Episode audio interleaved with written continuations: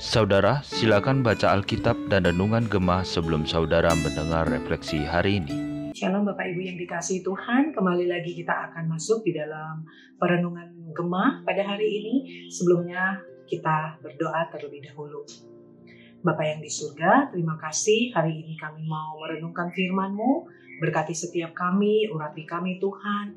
Biarlah kami sungguh boleh diterangi oleh firman-Mu dan kami boleh dikuatkan. Sehingga kebenaran ini sungguh memberkati kami dan kami menjalani hari-hari kami dengan penuh rasa syukur.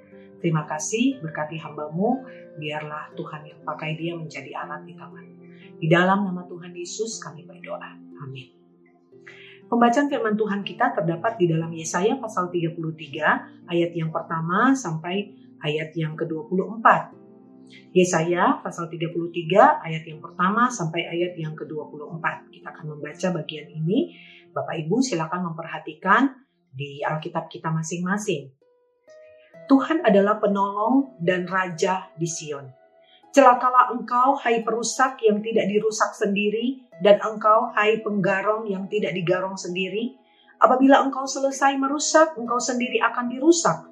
Apabila engkau habis menggarong, engkau sendiri akan digarong. Tuhan, kasihanilah kami. Engkau kami nanti-nantikan. Lindungilah kami setiap pagi dengan tanganmu. Ya, selamatkanlah kami di waktu kesesakan.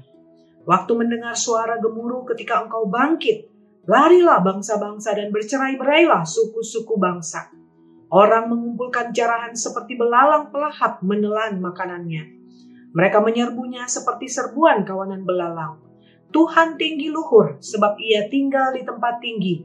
Ia membuat Sion penuh keadilan dan kebenaran. Masa keamanan akan tiba bagimu. Kekayaan yang menyelamatkan ialah hikmat dan pengetahuan. Takut akan Tuhan itulah harta benda Sion.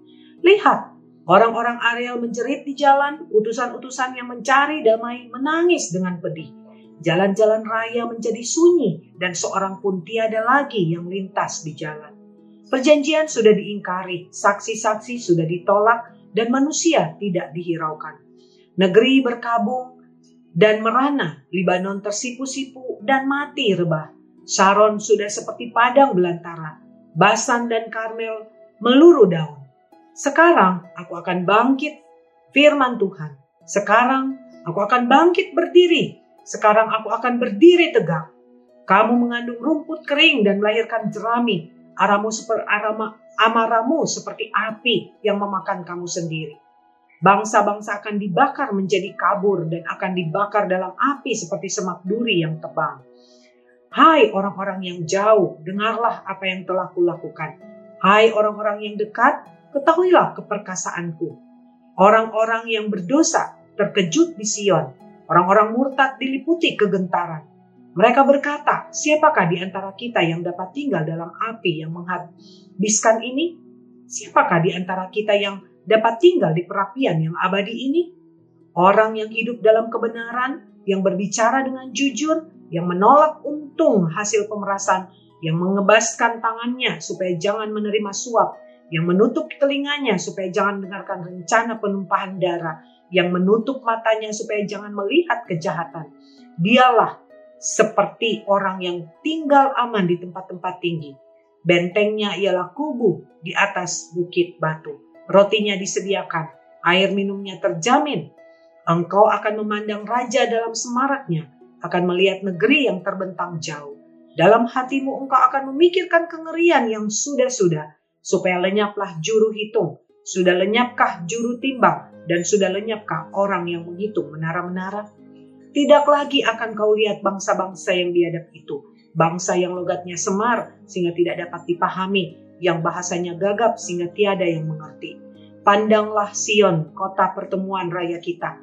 Matamu akan melihat Yerusalem, tempat kediaman yang aman, kemah yang tidak berpindah-pindah, yang patoknya tidak dicabut untuk seterusnya, dan semua talinya akan putus. Di situ kita akan melihat betapa mulia Tuhan kita, seperti tempat yang penuh sungai dan aliran yang lebar. Perahu dayung tidak melaluinya, dan kapal besar tidak menyeberanginya.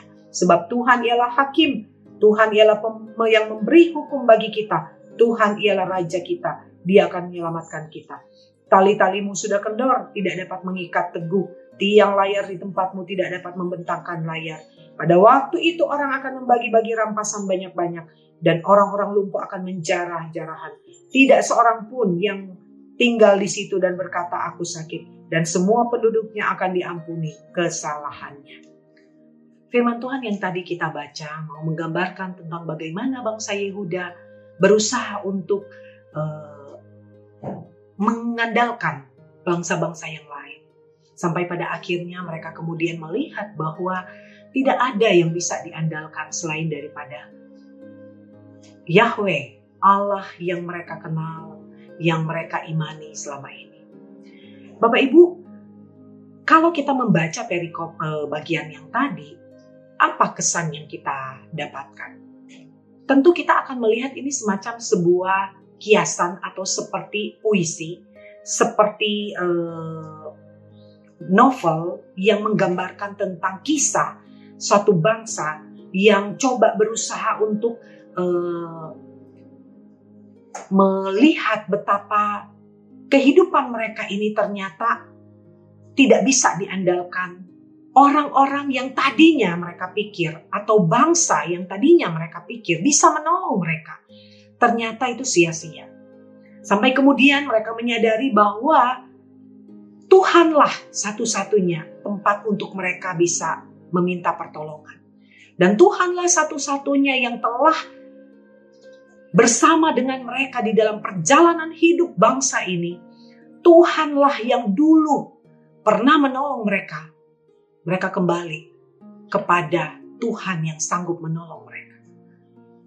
Dan mungkin di dalam perjalanan mereka pun melihat betapa banyak di dalam sejarah bangsa bangsa Israel bahkan Yehuda pada masa ini ketika bagian ini ditulis melihat betapa raja-raja dunia yang pernah hadir di dalam sejarah ini banyak mengecewakan mereka. Banyak e, membuat mereka kemudian tidak lagi bisa mempercayakan diri mereka kepada raja yang e, sering kali membuat mereka kecewa dan mungkin marah. Tetapi mereka melihat ada satu raja, yaitu raja semesta alam, yaitu Yahweh sendiri, yang telah menuntun, yang telah uh, memimpin, yang bangkit berperang melawan mereka, melawan bangsa-bangsa yang menyerang mereka. Mereka yang tadinya dipunahkan, mereka yang tadinya uh, tidak bisa tertolong karena dosa yang mereka lakukan, mereka kemudian bisa diselamatkan. Mereka kemudian merasakan betapa Tuhan itu adalah Allah yang bisa menolong mereka. Bapak Ibu yang dikasihi Tuhan, sebenarnya ketika kita coba melihat satu gambaran bangsa Yehuda, bukankah ini adalah satu gambaran kita sendiri? Bangsa yang hidup kita yang korup, hidup kita yang menggambarkan sebuah bangsa yang korup, bangsa yang meninggalkan Tuhan, bangsa yang kecewa dengan Tuhan dan yang ingin berusaha dengan kekuatannya sendiri atau mengandalkan apa yang mereka pikir bisa diandalkan. Bukankah kita seperti demikian? Kita tidak ubahnya dengan bangsa Yehuda. Kita menjadi orang-orang yang sering kali berpikir kita bisa hidup tanpa Tuhan. Dengan kekuatan, dengan kepintaran, dengan materi, dengan keahlian, keterampilan yang kita miliki membuat kita bisa merasa bahwa kita bisa berjalan sendiri. Sehingga tidak heran kenapa di dunia yang sekarang ini banyak sekali orang yang enggan dengan hal-hal yang berbau spiritualitas. Hal-hal yang berbau dengan kegiatan-kegiatan keagamaan. Mereka berpikir jadi orang gak usah terlalu rohani-rohani amat. Jadi orang gak usah terlalu uh, fanatik. Kenapa? Toh saya tidak ada dengan uh, saya tidak terlibat dengan kegiatan-kegiatan gereja, saya terli, tidak terlibat dengan hal-hal yang berbau spiritual. Hidup saya juga baik-baik saja. Bukankah itu yang banyak di ada di dalam pikiran kita? Realita kehidupan menunjukkan bahwa manusia lebih bisa mengandalkan dan lebih berusaha untuk percaya pada diri sendiri karena udah nggak bisa percaya kepada orang-orang di sekitar, bahkan mungkin tidak percaya lagi kepada Tuhan karena merasa dikecewakan.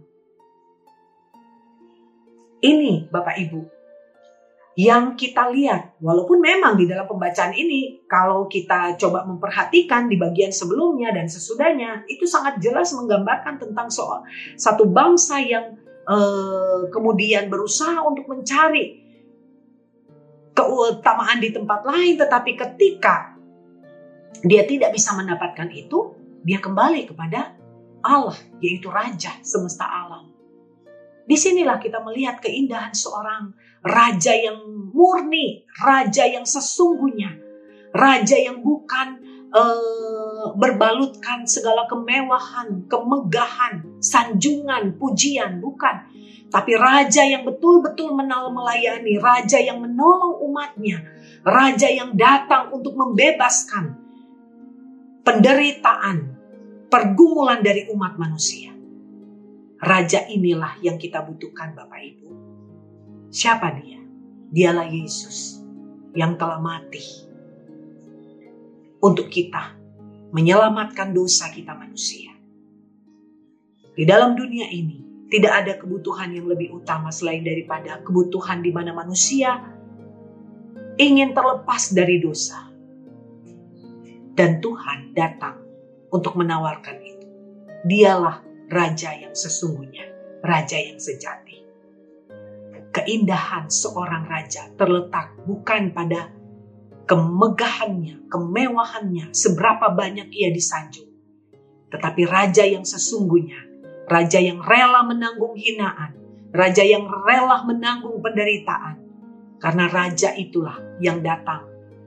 Rela menanggung semuanya itu agar supaya kita diselamatkan kita dibebaskan dari segala macam kehinaan, penderitaan, kesakitan, dan dosa.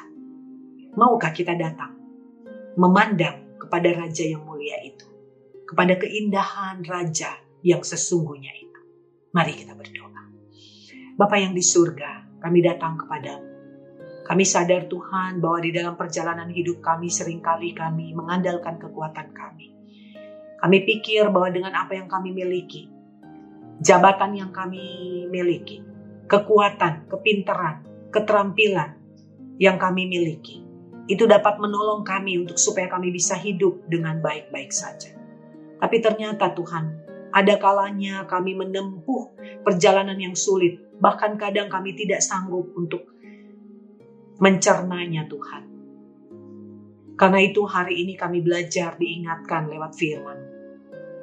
Bangsa yang kuat sekalipun ternyata tidak sanggup menolong dirinya sendiri. Bahkan ketika dia mengandalkan orang lain, dia pun tidak dapat pertolongan. Hari ini kami belajar Tuhan bagaimana sesungguhnya kami harus mencari Engkau satu-satunya pribadi. Allah yang sanggup menolong kami. Engkaulah Raja yang sejati itu Tuhan. Terima kasih karena Engkau mulia Engkau sungguh sempurna Tuhan di dalam hidup kami. Terima kasih. Inilah doa kami Bapa. Menjadi dalam nama Tuhan kami Yesus Kristus kami berdoa. Amin.